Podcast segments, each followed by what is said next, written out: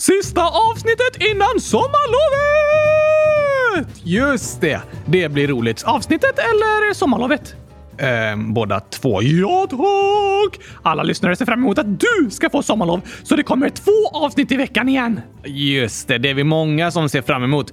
När jag har tagit mig igenom min tentaperiod så blir det två avsnitt i veckan igen under nästan hela sommarlovet. I alla fall fram till augusti. Woho! Men tyvärr inte den här veckan heller. Håll ut! Ja, vi får hålla ut tillsammans och stötta och uppmuntra varandra nu när det bara är ett avsnitt i veckan. Men eh, det är flera som har en liten ministart på sommarlovet redan, för många är lediga idag och imorgon. Varför det? Imorgon är det den 6 juni. Och det är Sveriges nationaldag. Ah, just det! Varför det? Det är årsdagen av när Gustav Vasa valdes till Sveriges kung år 1523. Vad sa du? Jag sa att det är årsdagen av när Gustav Vasa valdes till Sveriges kung. Vad sa du? Hörde mig inte? Jag sa att det är årsdagen av när Gustav Vasa... Vad sa du? Gustav Vasa. Vasa? Ja, du? Va? Sa du? Vad sa jag? Nej, Gustav Vasa. Ja, Vasa. Du. Vad sa du? Jag sa Vasa! Gustav Vasa! Ah, det låter lite som någon frågar Vad sa du? ja, verkligen. Vad sa du att Vasa blev, sa du? Eh, Gustav Vasa valdes till Sveriges kung år 1523. Vem var kung innan det? Från 1397 till år 1523 fanns det ett annat land i Sverige kan man säga, nämligen Kalmarunionen, som var en union mellan kungarikena Danmark, Norge och Sverige. Men det ingick även platser som idag ligger i Finland, Island, Ryssland, Storbritannien och även Tyskland. Så då var Kalmar huvudstad. Ja, det fanns inte riktigt en huvudstad, men Kalmar var centrum för unionen, som det hörs på namnet. Ni som har varit i Kalmar har kanske sett det mäktiga slottet som ligger liksom på en egen liten ö i havet vid kusten där. Måste du ta båt ut till slottet? Nej, alltså det ligger precis bredvid land, så det är en bro däremellan. Men slottet är ändå på en egen liten ö, så havet blir som en vallgrav runt slottet. Uh, typ ja. Därifrån styrdes i alla fall Kalmarunionen i nästan 150 år och år 1523 var det den danska kungen Kristian II som styrde över Kalmarunionen. I Sverige brukar han kallas för Kristian Tyrann. Det låter inte som svenskarna tyckte så mycket om honom. Nej, så år 1521 inleddes något som i Sverige brukar kallas för befrielsekriget. Var det inbördeskrig i Sverige? Ja, eller ja, det var inbördeskrig i Kalmarunionen då. Och det slutade med att Sverige liksom bröt sig ur unionen och Gustav Vasa valdes till Sveriges kung år 1523. Det är den årsdagen som nu firas på nationaldagen. Var det Sveriges självständighetsdag? Mm, ja... Inte riktigt på samma sätt som andra länder firar sin självständighetsdag. I många länder är nationaldagen en väldigt viktig dag, men i Sverige är det något som liksom konstruerats i efterhand och det har bestämts vilken dag som skulle bli Sveriges nationaldag. Så vi har inte så många stora traditioner angående hur nationaldagen ska firas. Men nu är i alla fall alla glada eftersom det är en ledig dag. Ja, precis. Och eh, det är ändå en passande dag att kalla för nationaldag, för med Gustav Vasa så grundades på många sätt dagens Sverige, även om det är väldigt mycket som har förändrats sedan dess. Länder förändras hela tiden. Ja, det är något viktigt att eh, förstå faktiskt. Världen har inte alltid sett ut som den gör idag. Den förändras hela tiden. Och det är viktigt att känna till för att förstå varför olika människor, olika folkgrupper och så vidare känner på olika sätt och varför saker fungerar som de gör idag. Just det! Och ett sätt som Gustav Vasa verkligen förändrade Sverige på var att han bytte statsreligion från katolska kyrkan till lutherska kyrkan. Va? Så kungen bytte religion och så tvingades alla som bodde i landet att också byta religion? Eh, ja, så funkar det inte längre. Tur det! Nu är alla fria att själva välja vad de tror på och det finns inte längre en statsreligion i Sverige. Just det! Kan kungen tvinga en vilken glass en måste tycka om? Eh, nej. Såklart inte. Det är du också fri att välja själv. Oh, skönt att höra. Men eh, glad nationaldag får vi hälsa till er som lyssnar. Hoppas ni får göra något roligt på er lediga dag. Alltså, vi har många som lyssnar i Norge och Finland också. När har de nationaldag? Norges nationaldag, eller rättare sagt Norges grundlagsdag, är känd för att firas väldigt stort på ett helt annat sätt än vi firar i Sverige. Va? När är den? 17 maj. 17, alltså 17. Ja, ah, det borde jag fattat. Vad firas då? Förenklat kan man säga att Norge firar att de blev självständiga från Sverige. Okej? Okay. Den 17 maj år 1814 skrevs Norges grundlag under, men då gick svenska kungen ut i krig mot Norge. Det varade i tre månader, sen var länderna i en union i nästan hundra år till. Men grundlagen fanns kvar så att Norge har varit en självständig stat sedan 1814. Aha! Finland då? I Finland firas nationaldagen den 6 december till minne av frigörelsen från Ryssland år 1917. Okej! Okej. Okay.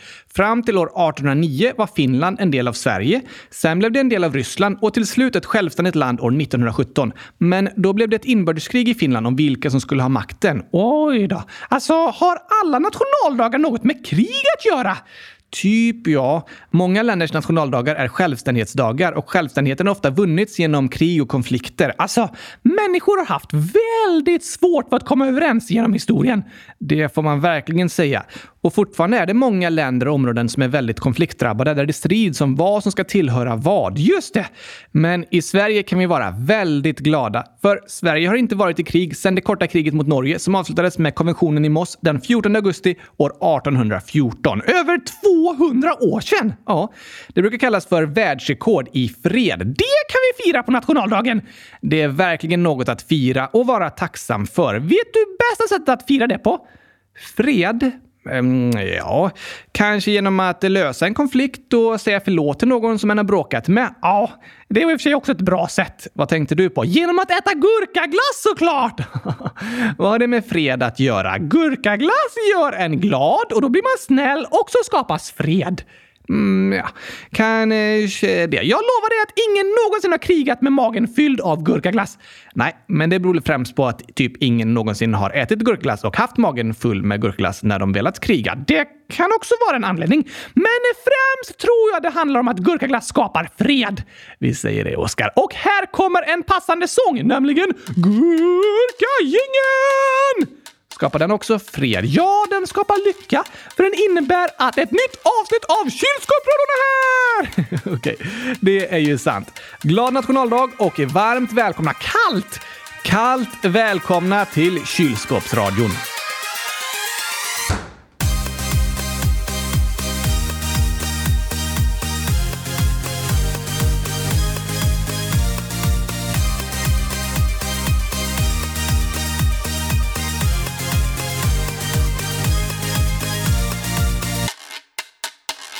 Äntligen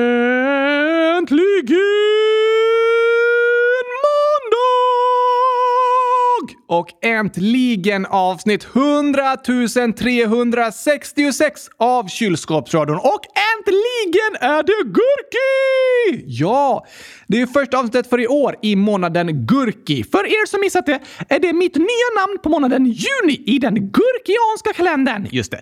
Det är mycket som har med gurkor att göra alltså. Allt har med gurkor att göra om du frågar mig. Så blir det om du får bestämma. Ska vi ta och påminna oss om namnen på månaderna? Ja, men varför inte? Nu när vi trots allt har börjat en ny månad. Precis! Här kommer sången!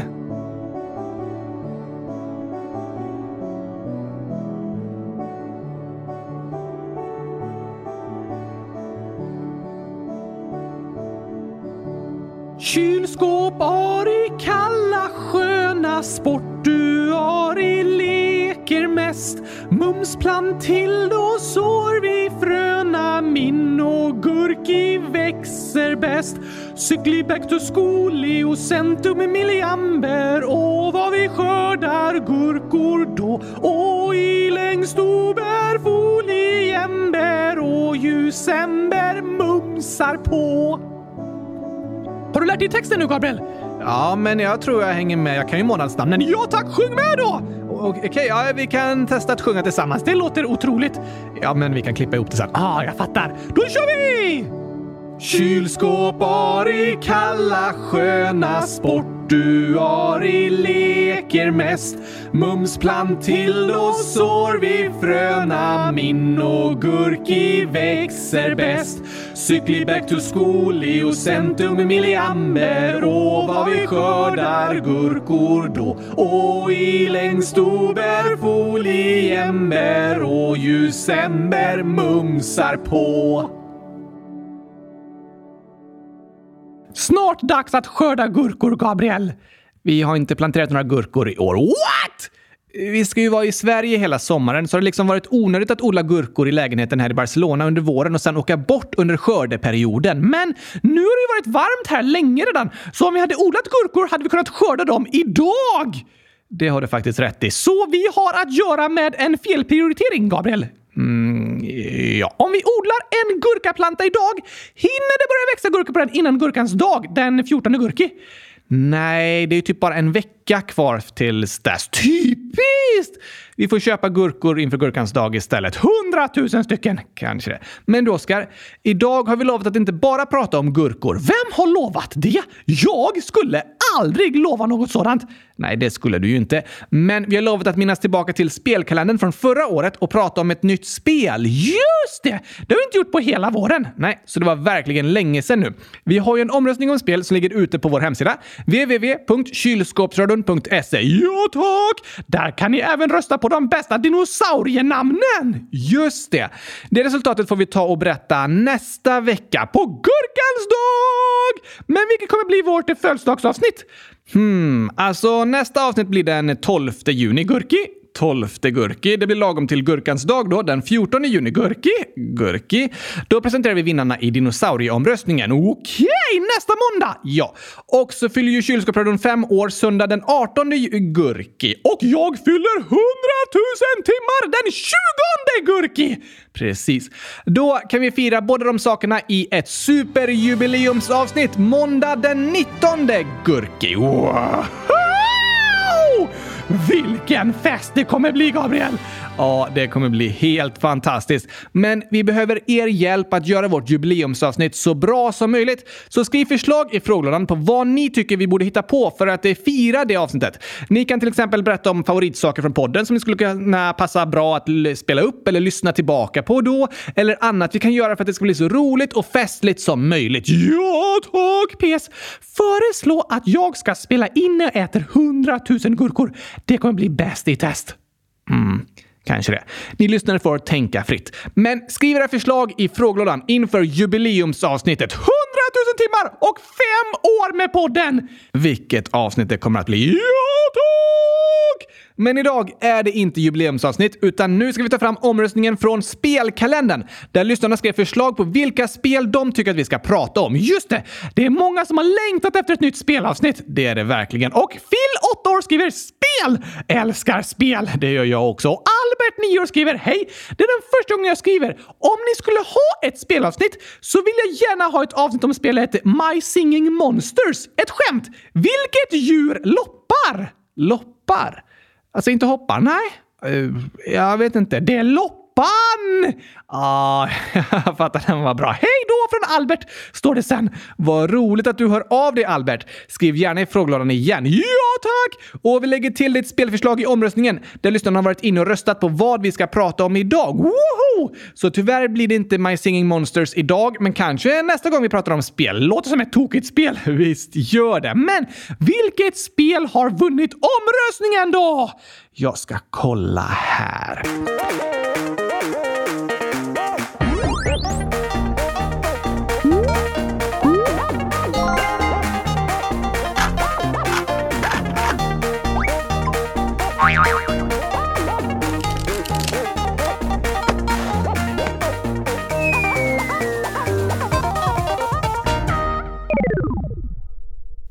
Åh, ja! Vad är det för spel? Vad är det för spel? Vad är det för spel, Gabriel? Idag ska vi prata om Fifa. Fy vadå? Eh, Fifa, eller lite om fotbollsspel generellt tänker jag. Det är väldigt populärt. Ja, fotboll är ju populärt både som sport och som eh, spel, alltså på tv-spel och datorspel och Gameboys och mobiler och allt sånt där. Så det är därför Fifa har seglat upp i toppen av vår spelomröstning. Och bland annat så skriver André, 10 år, kan ni prata om Fifa 23? Please, please, please. Det kan vi! Och Fifa-kungen, 9 år, frågar Gabriel, gillar du Fifa? Sluta aldrig med vad ni gör. Ni är bäst. Oj, oj, oj! Fifa-kungen skriver till kylskåpsradion. Wow!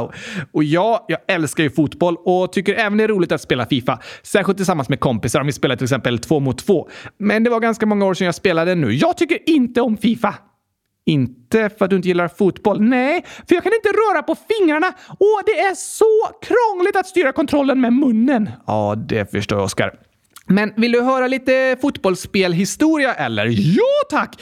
I Spelklännen hade vi ju avsnitt om väldigt gamla tv-spel, som Pong! Precis. Och när tv-apparaterna började bli populära så började olika sorters tv-spel utvecklas. De var inte så komplicerade. Nej, det var väldigt enkla spel med olika linjer och prickar. Men även om de grafiskt var väldigt enkla så var de väldigt roliga. Det tycker många än idag, men särskilt de som levde då, för de hade aldrig sett något liknande förut. Wow! Två streck och en prick som rör på sig. Du kan styra dem. Vilken revolution! Idag är det nästan svårt att förstå hur häftigt det var på den tiden. Men spelet Pong, som vi berättade om, blev populärt på 1970-talet och företaget Atari, som utvecklade Pong, började fundera på hur de skulle kunna göra ett digitalt fotbollsspel. Pong ser ut lite som tennis, typ. Ja, nästan. Som en boll som studsar mellan två rack. Ett fotbollsspel skulle bli mycket mer komplicerat eftersom det behövs flera spelare som skulle kunna röra sig fritt och så. Just det! Hur gick det då? Jo, år 1981 var Atari redo att släppa ett fotbollsspel som de tänkte ge namnet Championship Soccer. Men i sista stund så fick de världens då bästa fotbollsspelare genom tiderna, Pelé, att stötta spelet. Han har vi också gjort avsnitt om! Ja, det har vi faktiskt, i historiekalendern. Och då byttes namnet på spelet till Pelés Soccer. Pelés strumpor. Inte socks socker. Aha! Vad betyder det? Alltså, det är en stor diskussion på engelska vad fotboll egentligen ska heta. I Europa säger vi fotboll, men i Nordamerika säger de soccer. Varför det? För där är amerikansk fotboll den största sporten, som i USA bara kallas för fotboll. Ah, eftersom de är i Amerika säger de inte amerikansk fotboll, utan bara fotboll. Precis. Men därför har det som vi kallar för fotboll fått namnet socker. Men amerikansk fotboll spelas ju med händerna. Varför kallas det då fotboll? Det är en vanlig fråga, med många olika teorier som svar utan att någon kan vara säker. Men eftersom det var ett amerikanskt företag fick i alla fall tv-spelet namnet Pelés Socker. Hade varit tokigt om det hetat Pelés Socks. alltså Pelés strumpor. Vad hade det handlat om då? Um, det hade gått ut på att du ska hjälpa Pelé att tvätta sina strumpor. Ah, världsrekordet är 100 000 strumpor i en maskin. Det går inte. I spelet går det. Okej, okay, jag ska skapa ett sånt spel.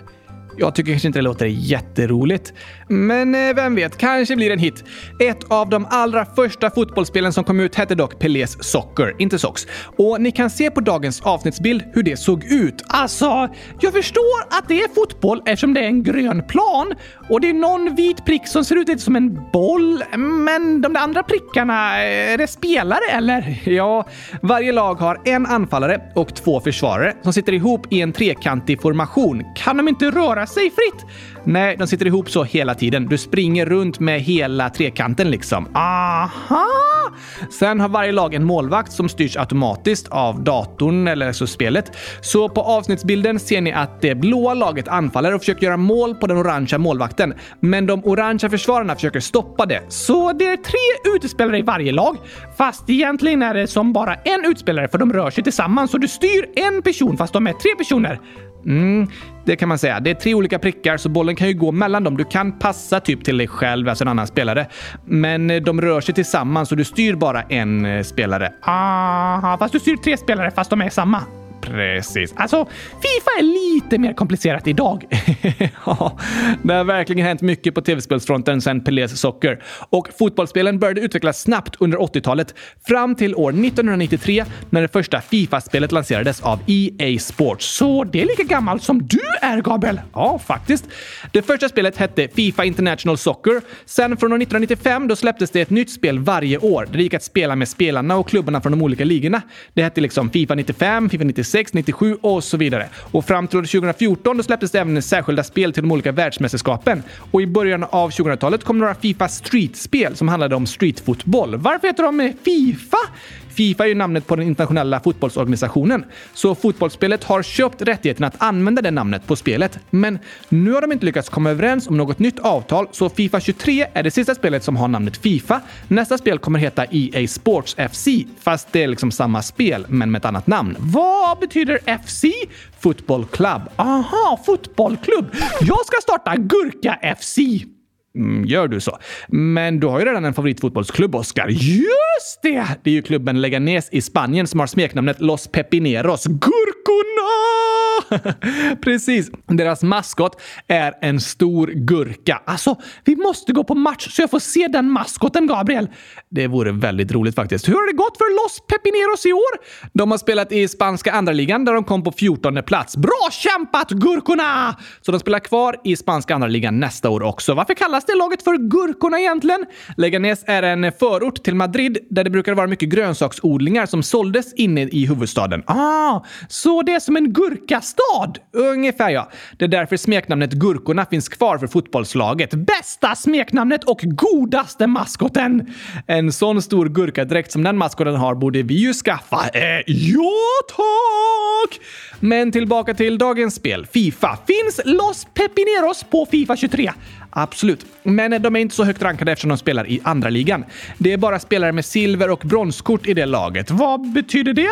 Alltså, spelarna på Fifa får olika mycket poäng beroende på hur bra spelarna är i verkligheten. Liksom upp till 100 poäng. Vem har högst poäng? I det senaste spelet, Fifa 23, så är Alexia Putellas rankad högst av alla spelare i spelet med 92 i rating. Wow! Hon ses som världens bästa spelare och har vunnit Ballon d'Or två år i rad och spelar i världens bästa damlag för tillfället, FC Barcelona Femini. I lördags vann de Champions League för andra gången. Var det fest i Barcelona då? Ja, de firade stort på torget här igår. Och för några veckor sedan då var det en stor bussparad med både herrlaget och damlaget tillsammans eftersom båda vann guld i ligan i år. Så då var jag ute och firade och såg när bussarna åkte förbi med alla spelarna. Så det finns både damspelare och herrspelare med på Fifa. Yes, och Alexia är den högst rankade spelaren av alla med 92. Sen kommer Sam Kerr, Benzema, Mbappé, Messi, Lewandowski och De Bruyne på 91. Okej, okay. är olika lag olika bra också? Ja, beroende på hur hög höga poäng spelarna i ett lag har så får laget olika hög totalpoäng liksom i spelet. Men om du är uppkopplad mot internet så uppdateras spelet varje vecka beroende på spelarnas form, så poängen kan gå upp och ner lite. Okej, okay. så i Fifa blir liksom verkliga människor tv-spelskaraktärer? Ungefär så kan man säga. Lite tokigt och coolt på samma gång. Det är alltid stora diskussioner om vilken rating olika fotbollsspelare ska få på Fifa, för alla kan ju tycka lite olika om hur bra de egentligen är. Just det! Är Fifa populärt? Väldigt populärt. Det är världens största sportspel med över 325 miljoner sålda kopior. Oj då! Spelarna ser lite annorlunda ut idag mot i Pelés Soccer. Verkligen. Grafiken på de nya spelen är helt otrolig. Det ser nästan ut som bilder av de riktiga spelarna. I Pelés Soccer var det bara tre prickar som sprang runt liksom. Eller ja, de sprang inte ens. De rörde sig bara, gled runt typ kan man säga. Och det var ju omöjligt att veta vem som var vem. De var inte uppkallade efter olika spelare heller, utan det var bara prickar. Ja, tack! Sak. Men jag hittade faktiskt en hemsida där det går att spela Ataris Pelé Soccer. Ni kan ju söka på det och försöka hitta det också. Det var rätt klurigt faktiskt och ganska kul, även om det är väldigt annorlunda mot fotbollsspel idag. Det ser i alla fall väldigt annorlunda ut. Väldigt annorlunda. Men eh, nu tycker jag det är dags för dagens världsrekord, Gabriel! Ja, det hade vi ju också i varje avsnitt i spelkalendern och jag vill höra om världens högsta gurkatorn. Nej, jag tror vi får prata om några andra världsrekord idag. Ah, okej, okay, men nästa vecka firar vi Gurkans dag. Då kan vi prata om det! Jag vet inte om det finns ett sånt världsrekord. Jag ska bygga världens högsta gurkatorn. Gör du det, Oskar? Här kommer i alla fall musiken.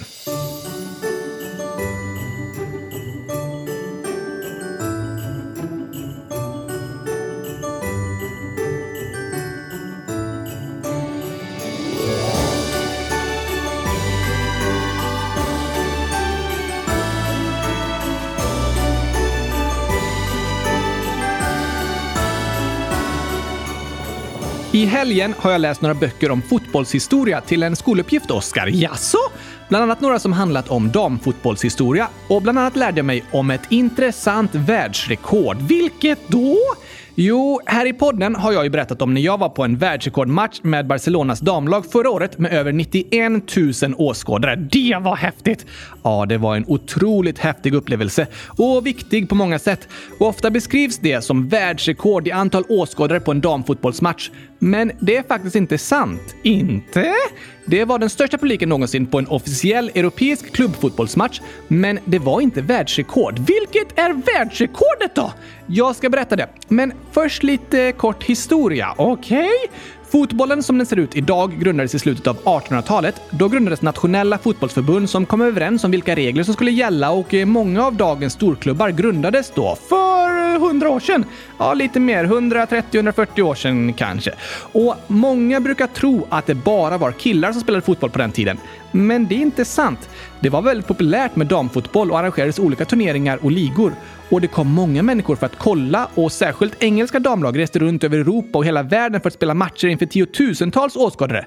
Intresset var så stort att år 1920 var det 55 000 åskådare på en match som spelades på Goodison Park mellan St. Helens Ladies och Dick Kerrs Ladies, som brukar kallas för det mest framgångsrika damfotbollslaget genom tiderna. Aha! Aha!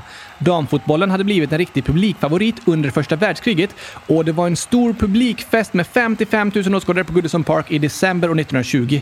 Men det var många som inte tyckte att tjejer borde spela fotboll, så det engelska fotbollsförbundet bestämde år 1921 att det skulle vara förbjudet för damfotbollslag att spela matcher på de stora arenorna och officiella planerna de hade. What?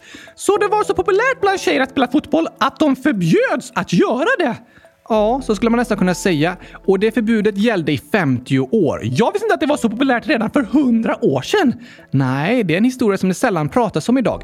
Många tenderar att tro att eh, tjejer inte är intresserade av fotboll. Men det är inte sant. Fotboll och all sport är för både tjejer och killar och ska vara på samma villkor för alla. Men det har inte alltid varit så, utan damlagen förbjöds i 50 år från att spela matcher på de officiella planerna. Istället fick de spela i parker och andra platser. Oj då! Det var de styrande männen i Engelska fotbollsförbundet som bestämde att det var opassande för tjejer att spela fotboll, utan att fråga tjejerna vad de tyckte. Var det liknande förbud i andra europeiska länder? Ja, ungefär samma regler gällde i de flesta europeiska länder. Ända fram till 1970-talet. Det var också då det svenska damlandslaget i fotboll grundades. Spelade de i fotbolls-VM? Ja, det dröjde fortfarande ett tag tills officiella VM-turneringar för damer skulle arrangeras av Fifa. Men på 70-talet kan en säga att damfotbollen började befrias och damer tilläts spela fotboll i fler och fler länder. Så år 1970 arrangerades ett inofficiellt världsmästerskap i Italien. Inofficiellt! Ja, alltså det är den internationella fotbollsorganisationen organisationen Fifa som arrangerar officiella världsmästerskap. Där de olika ländernas fotbollsförbund medlemmar. Så du och jag kan liksom inte hitta på vårt eget fotbollsmästerskap, Oskar, och säga att det är det nya världsmästerskapet. I så fall kommer det kallas för ett inofficiellt mästerskap. Aha! Men om jag grundar Internationella Gurkakastningsförbundet så kan jag arrangera VM i gurkakastning? Det skulle kanske vara möjligt, eh, men jag tror först du behöver starta ett svenskt gurkakastningsförbund och så låta det ansöka om medlemskap i Riksidrottsförbundet. Aha, bra plan! Jag vet dock inte om de kommer godkänna gurkakastning som en sport. Varför inte? Ja, och du, vi kanske kan få det accepterat som en friidrottsgren annars. Där kastar de ju många tokiga saker. Ja, det är nog större chans faktiskt att det blir en del av friidrott. Jag tror också det kan bli svårt, Oskar. Okej, okay. men År 1971 då arrangerades ett nytt inofficiellt världsmästerskap för damer i fotboll i Mexiko och det blev en stor publiksuccé. Va? Det var bara sex olika landslag med, men matcherna drog stor publik. 80 000 åskådare var på matchen mellan Mexiko och England och finalen spelades mellan Mexiko och Danmark inför 110 000 åskådare. Wow! Mer än 100 000! Det är helt otroligt. Och än idag är 110 000 åskådare världsrekordet för en damfotbollsmatch. Men det är många som inte ens känner till att den matchen har spelats för att den inte var ett officiellt mästerskap. Ja, kanske men också för att det är en del av historien som sällan uppmärksammas. Men succémästerskapet i Mexiko satte press på de europeiska fotbollsförbunden och under 1970-talet började de flesta länder tillåta organiserad damfotboll igen. Verkligen på tiden! Verkligen. När spelades det första officiella världsmästerskapet då? Det spelades i Kina år 1991. Då vann USA mot Norge i finalen och Sverige blev trea och Tyskland fyra. Oj, oj! Och nästa världsmästerskap spelades i Sverige år 1995. Då vann Norge mot Tyskland i finalen. USA blev trea och Kina fyra. Har Sverige vunnit någon gång? Nej, tyvärr inte, men vi har varit väldigt nära. År 2003 gick vi till VM-final, men förlorade mot Tyskland på ett golden goal på tilläggstid. Ah, typiskt! Sen blev vi trea igen år 2011 och år 2019. Och det var för fyra år sedan. Därför är det dags för ett nytt världsmästerskap i sommar som spelas i Australien och Nya Zeeland. Just det! Det har vi lovat att prata lite mer om när det närmar sig. Det börjar den 20 juli. Spännande! Men är alltså publikrekordet från Mexiko fortfarande världsrekord? Ja, det är den största publiken någonsin på en damfotbollsmatch. Den räknas inte alltid med eftersom det inte var en officiell match, men också på grund av att det är många som inte ens känner till den matchen. Det är lätt att tro att intresset för damfotboll är något nytt som exploderat de senaste åren. Och det har det på sätt och vis gjort och det är fantastiskt med alla framsteg som görs. Men det är också viktigt att förstå att tjejer har spelat fotboll i över 100 år. Det är inget nytt och fotboll är lika mycket en sport för tjejer som för killar. Matchen på Goodison Park år 1920 med 55 000 åskådare var den största publiken i England på en damfotbollsmatch ända fram till OS i London år 2012. Nästan 100 år senare! Ja, och det berodde inte på att det inte fanns ett intresse för damfotboll däremellan, utan för att det var förbjudet under väldigt lång tid. Det var en sorglig, men samtidigt inspirerande och intressant historia. Jag håller med. Och jag tycker att rekordpubliken från det inofficiella VM-slutspelet i Mexiko år 1971 är ett viktigt världsrekord att känna till. Ja tack! Tror du de slår det på VM i sommar? Nej, de har ingen tillräckligt stor arena för att kunna slå det. Nähä! Många publikrekord från förr i tiden är väldigt svårslagna idag. Inom herrfotboll är världsrekordet 174 000 åskådare som trycktes in på Maracanã-stadion i Rio de Janeiro på VM-finalen 1950 som Brasilien förlorade mot Uruguay. En landssorg! Det är en landssorg som fortfarande gör ont i Brasilien. Men när VM spelades där år 2014 på samma arena fick det bara plats 79 000 åskådare. Va? Hade arenan eh, krympt i tvätten? Nej, den är lika stor, men år 1950 var det ståplats i hela arenan och biljetterna hade inte ett eh, särskilt platsnummer liksom, utan människor bara trängdes ihop så mycket som möjligt. Aha! På grund av moderna säkerhetsregler är inte det tillåtet längre. Så nu har arenan sittplatser och då går det in hälften så många åskådare som för 70 år sedan. Så gamla publikrekord går typ inte att slå med dagens regler? Nej, det finns inte tillräckligt stora arenor för att kunna slå de rekorden. Det låter ganska farligt att trycka ihop 174 000 åskådare i en arena. Ja, det är helt otroligt. Och det har tyvärr skett många fruktansvärt hemska läktarkatastrofer där människor har tryckts ihop på ståplats men så har det utbrutit kaos av olika anledningar och människor har till och med tryckts ihjäl. Det är det som har gjort att det finns nya säkerhetsregler och noggrann kontroll på hur många som får komma in så att det inte ska tryckas ihop för många människor på en liten yta. Det låter faktiskt bra. Det är väldigt bra. Men på tal om världsrekord och fotboll, vill du höra det kanske tokigaste världsrekordet i fotbollshistorien? Flest mål gjorda av en gurka? Eh, nej. Det här är också ett rekord som är omöjligt att slå, nämligen den spelare som har fått flest gula kort i en match. Okej? Okay. I fotboll symboliserar ett gult kort en varning. Och om du får två gula kort så blir det ett rött kort som innebär utvisning. Då får du inte spela mer på hela matchen. Nej, ditt lag har en spelare mindre resten av matchen och du är avstängd i nästa match. Men i VM i Tyskland år 2006, då fick den kroatiska spelaren Josip Simunic sitt andra gula kort i matchen och var på väg att gå av planen eftersom han blev utvisad. Men domaren gav honom aldrig ett rött kort. Va? För domaren hade sett fel på vilken spelare det var och visste inte att Josip redan hade fått ett gult kort i matchen. Så Josip fick stanna kvar på planen fastän han hade fått två gula kort. Ja, men lite senare då spelade han fult igen och fick sitt tredje gula kort. Nej! Och då kom domaren ihåg vem det var och gav honom rött kort. Så han fick tre gula kort i samma match? Ja, det är ett världsrekord som aldrig kommer att bli slaget. För det är ju omöjligt för en spelare att få tre gula kort i en match. Det kanske kommer fler domare som gör samma misstag. Kanske, men antagligen inte. Särskilt inte med VAR och så nu. Tokigt rekord faktiskt. Det är väldigt tokigt tycker jag. Men nu tycker jag vi tar lite skämt. Det låter bra, Oskar.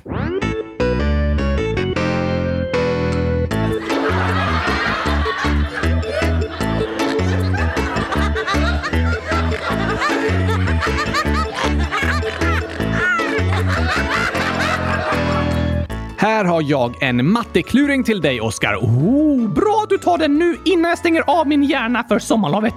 Stänger du av hjärnan när du blir ledig? Ja, det finns inget mer att tänka på då ju när jag inte har skola längre. Jag förstår vad du menar, men du har ju ingen hjärna. Sant!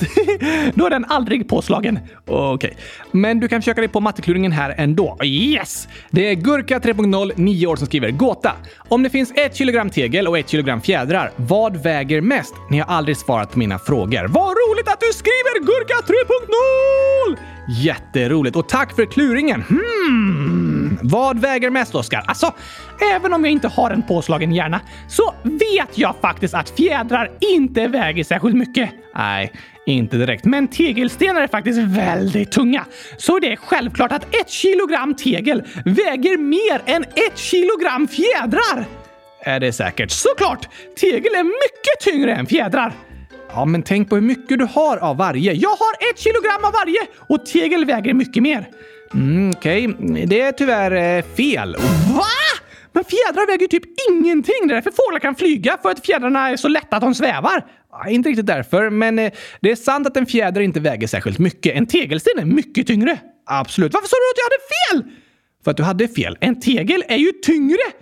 En tegelsten är tyngre än en fjäder, men nu pratar vi om ett kilogram tegel och ett kilogram fjädrar. Och då väger ju båda lika mycket. för båda väger ett kilogram. Aha! Det var klurifaxigt.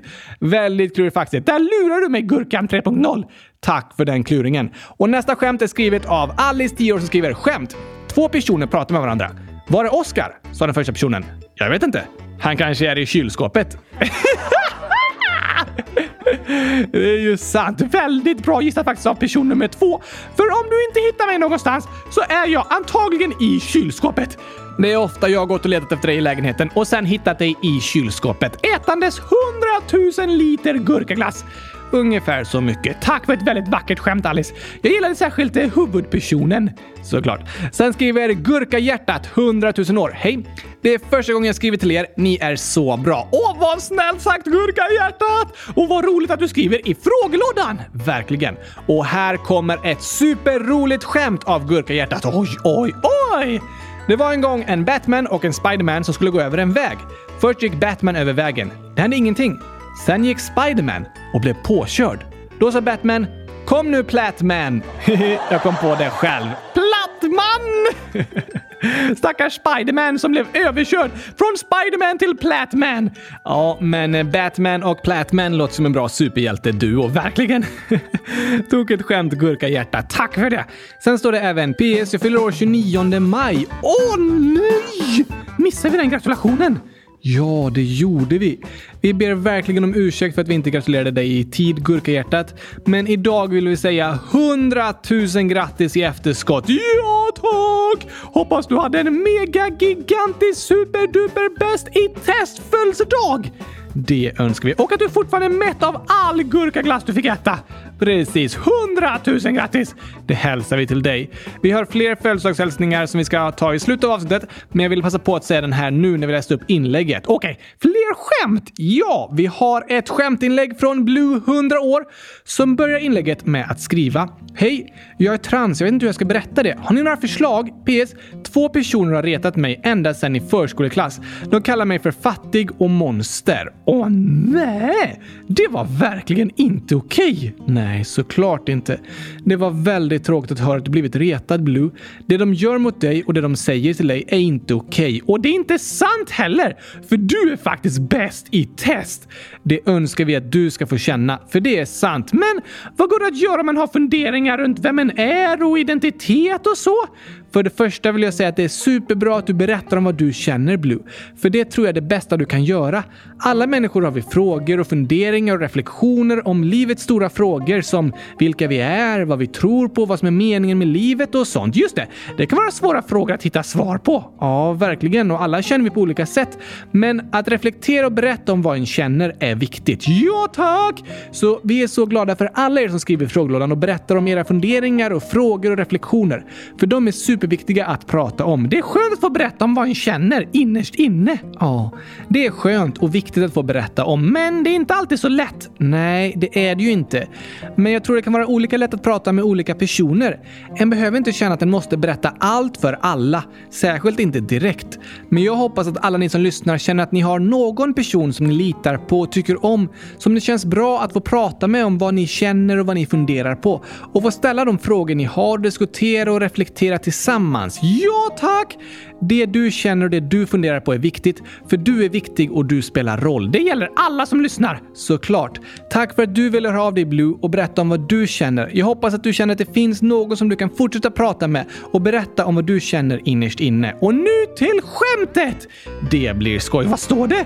Det är ett skämt som skojar om eh, svenska och engelska liksom. Jaha, det låter tokigt. Så här skriver Blue. Skämt. Det var en gång två barn, en engelsk som kunde prata lite svenska och en svensk som kunde prata lite engelska. Då sa den engelska “Kan jag få en orange?” “Såklart! Här!” sa den svenska och gav den engelska en hink med orange färg. “No! Orange! Ja, en orange! Tack och hej! Gurkapastej!” oh, Det var ju tokigt. Förstod du skämtet, Oskar? Uh, eh, nej. Eh, varför skrattar du då? Jag läste av situationen och förstod att det var dags att skratta, eh, fast jag inte fattade. Smart jobbat. Så gör jag ganska ofta när jag inte fattar ett skämt. Klurifaxigt. Men eh, kan du förklara? Ja, på engelska heter apelsin orange för att den är orange. Ja, det hör ihop. Hashtag logiskt. Faktiskt ett väldigt logiskt namn. Det är därför färgen grön heter gurka. Det heter den inte. Jag kallar den för det. Ja, det gör du. Men i alla fall så frågade det engelska barnet om en orange och då hämtade det svenska barnet en hink med orange färg. Fast det engelska barnet ville ha en apelsin. Precis, det låter inte så gott att äta. En hink med orange färg? Nej, verkligen inte. Nej, jag menar en apelsin. Va? Apelsin är ju supergott. Smakar det gurka? Nej, då tycker jag inte det låter särskilt gott. Okej, okay. tokigt skämt i alla fall, Blue. Ja, tack! Och angående vad du inte tycker är gott, Oscar, så vill vi ta chansen att be om ursäkt. Varför det? Jo, den ledsna gurkan skriver “Min hund heter Choklad” och när Oscar pratar illa om choklad mår jag dåligt. Jag vet att ni pratar om godiset, men jag mår ändå dåligt. Kan ni snälla sluta? PS. Sluta. Va? Oj då! Den ledsna gurkan, även kallad Gurkan 13, förklarar i ett annat inlägg att du pratade illa om choklad i ett avsnitt precis efter att hunden Choklad hade dött. Nej! Åh, vad sorgligt! Så då var Gurkan 13 arg på oss. Men sen står det “Men det är jag inte nu. Nu älskar jag er.” Det var fint att höra Gurkan 13, men jag vill verkligen beklaga sorgen. Det var så tråkigt att höra om att din hund Choklad har dött. Jag förstår att du blev väldigt ledsen och att det var något jobbigt att vara med om. Såklart. Och jag vill be om ursäkt för att jag pratat lite illa om choklad ibland. Jag menade såklart aldrig din älskade hund som är bäst i världen. Jag bara pratar om att jag inte tycker choklad är ett gott godis att äta. Men jag förstår att det kändes ledsamt och inte var roligt att få höra då. Tack för att du berättade om hur det fick dig att känna. Stort tack för att du hörde av dig Gurkan 13. Och jag har lärt mig att mest prata positivt om det jag tycker om, a.k.a. gurkor, och inte så mycket negativt om sånt jag inte gillar. Nej, det har varit en bra lärdom och nu älskar jag choklad för att det var Gurkan 13s fina, fina hund. Vi tänker på dig Gurkan 13 och önskar dig allt gott. Tack för att du hörde av dig och berättade om hur det vi sa fick dig att känna. Ibland kan jag bli ledsen av något en annan person säger, fastän den egentligen inte menar något illa. Ja, så kan det vara. Men då är det bra att du berättar vad det den andra personen säger får dig att känna. För kanske vet inte den andra personen om att den pratar på kränkande och nedsättande sätt eller att den tar upp något som gör dig ledsen. Precis! Så tack för att du ville berätta om vad du känner Gurkan 13. Då får vi chansen att be om ursäkt och skicka massor av kärlek och stöd tillbaka. Ja, tack. Tack igen för ditt inlägg. Ha det bäst i test. Ska vi ta en eh, sång nu? Jo, men det kan vi ta och göra. Eftersom det är sista skolveckan innan sommarlovet så är det sista chansen på länge att lyssna på Back to skolan. det har du rätt i. Här kommer den.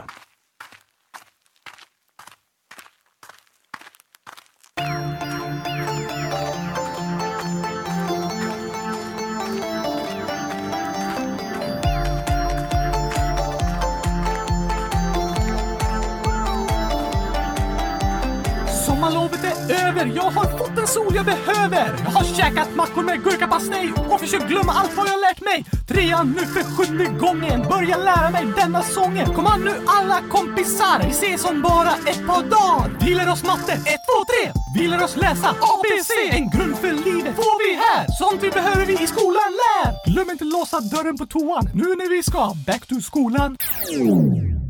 Skolan kan kännas tråkig och bråkig Läxor kännas som straff och vi får aldrig burka glas. Men någonstans där inne så vet vi att skolan är som en julklapp man går i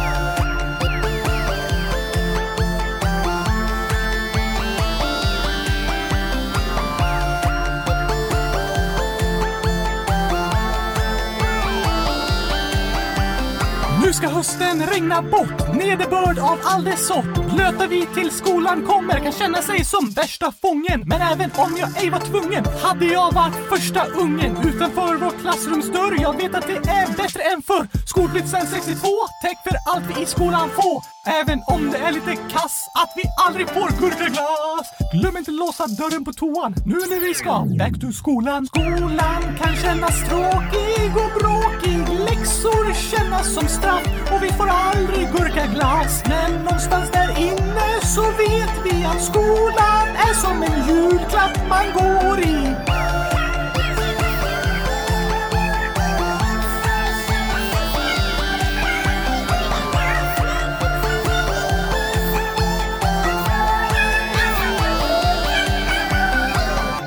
vara pinsamt att glömma låsa dörren, Gabriel, när man ska hashtag kissa.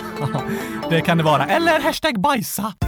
Det kan vara pinsamt att säga hashtag på lite fel ställen också. Hashtag whoops, hashtag fail, hashtag sluta säga hashtag, hashtag okej. Skolan kan kännas tråkig och bråkig, läxor kännas som straff och vi får aldrig gurka glas. Men någonstans där inne så vet vi att skolan är som en julklapp man går i.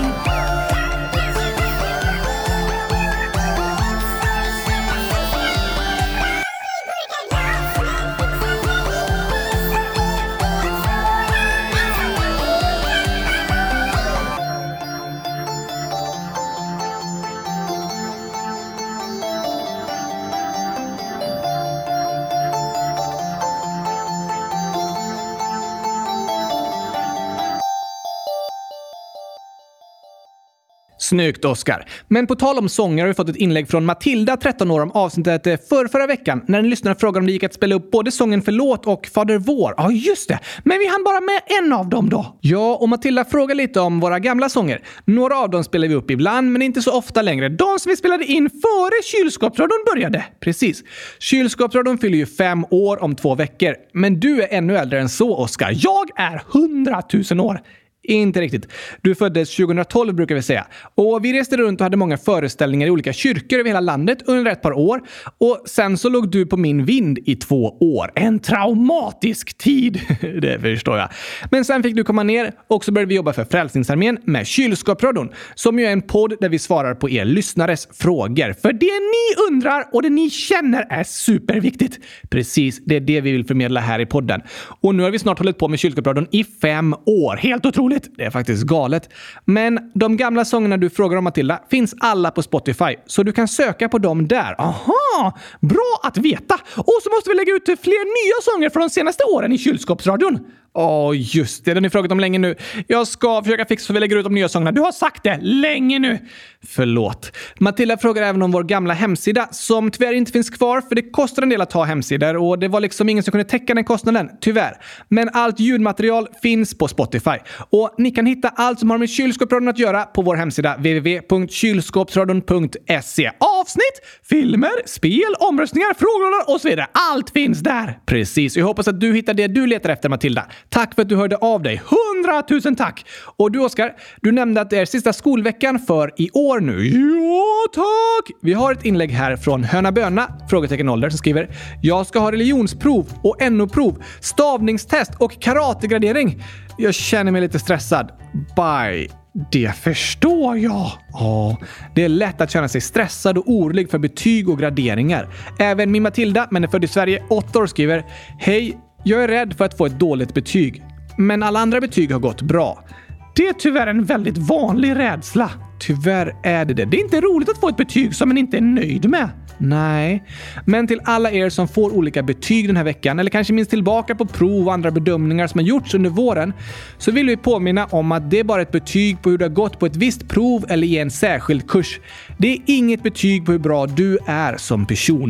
Nej tack! För som människa gäller min betygsskala. Du är A som är awesome, B som är bäst i test, C som är coolest ever, D som är dunderbra, E som är excellent, F som är fantastisk och G som är gurkastiskt bra.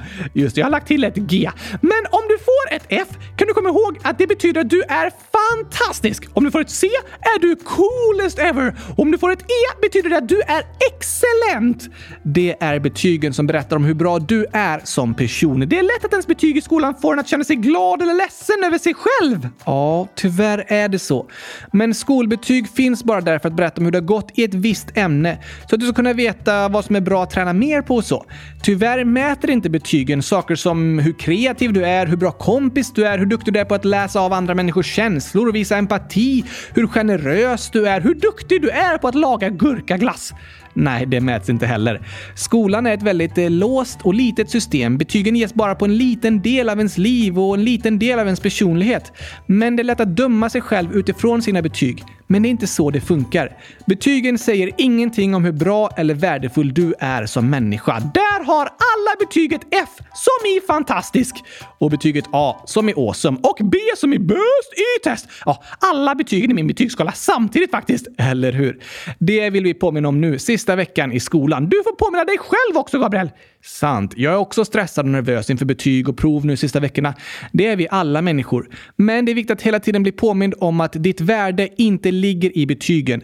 De är inget mått på hur bra du är som människa. Hoppas ni alla som lyssnar får en fin avslutning i skolan och en superduper mega bäst i teststart på sommarlovet. Det önskar vi er alla.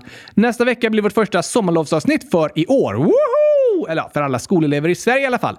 Jag har inte sommarlov förrän om två veckor och kanske likadant för er lyssnare som bor i andra länder också. Just det! Men nästa vecka ska jag sjunga min sommarlovssång. Det får du ta och göra, Oskar. Då firar vi även Gurkans dag och berättar resultatet i dinosaurieomröstningen! Sen veckan efter det firar vi Kylskåpsradions födelsedag och att jag fyller 100 000 timmar. Vilket jubileumsavsnitt det kommer att bli. Skriv era bästa förslag till det avsnittet i frågelådan lådan. Ja du! Så hörs vi snart igen. Men innan vi avslutar för idag har vi några födelsedagshälsningar! Just det, det lovar jag ju. Benaya, 9 år, skriver “Jag fyllde 9 år 28 maj. Wow! Då säger vi 100 000 grattis i efterskott Benaya! Hoppas du hade en superbra födelsedag med mycket skratt och glädje och gurkaglass. Kanske det också. Välkommen till oss nioåringar! Hoppas du trivs. Det är fantastiskt att vara nio år. Fint att höra. Sen skriver Bella, 8 år. Kan ni gratulera mig den 6 juni? Snälla, såklart kan vi det! Grattis på födelsedagen imorgon Bella! Hoppas du får världens bästa födelsedag med en gurkaglasstårta som är högre än Eiffeltornet. Det är högt. Jag hade ätit upp den på fem minuter. Kanske det. Vi hoppas du får en dag med mycket skratt och glädje att du känner dig älskad och omtyckt Bella. Ha det bäst i! Sen skriver Elivon Gurka, 100 000 år. Min pappa fyller år 5 juni. Grattis! Grattis till dig också. Och med det så vill vi önska er alla lyssnare en riktigt härlig vecka. Ha det bäst i test och grattis till sommarlovet säger vi till er som får sommarlov den här veckan. Det gör vi. Så hörs vi igen nästa måndag. Jag längtar redan. Jag också. Men kom ihåg att rösta i dinosaurieomröstningen innan dess! Gör gärna det och ha det som sagt bäst i test. Tack och hej! Gurkapastej! Hej då!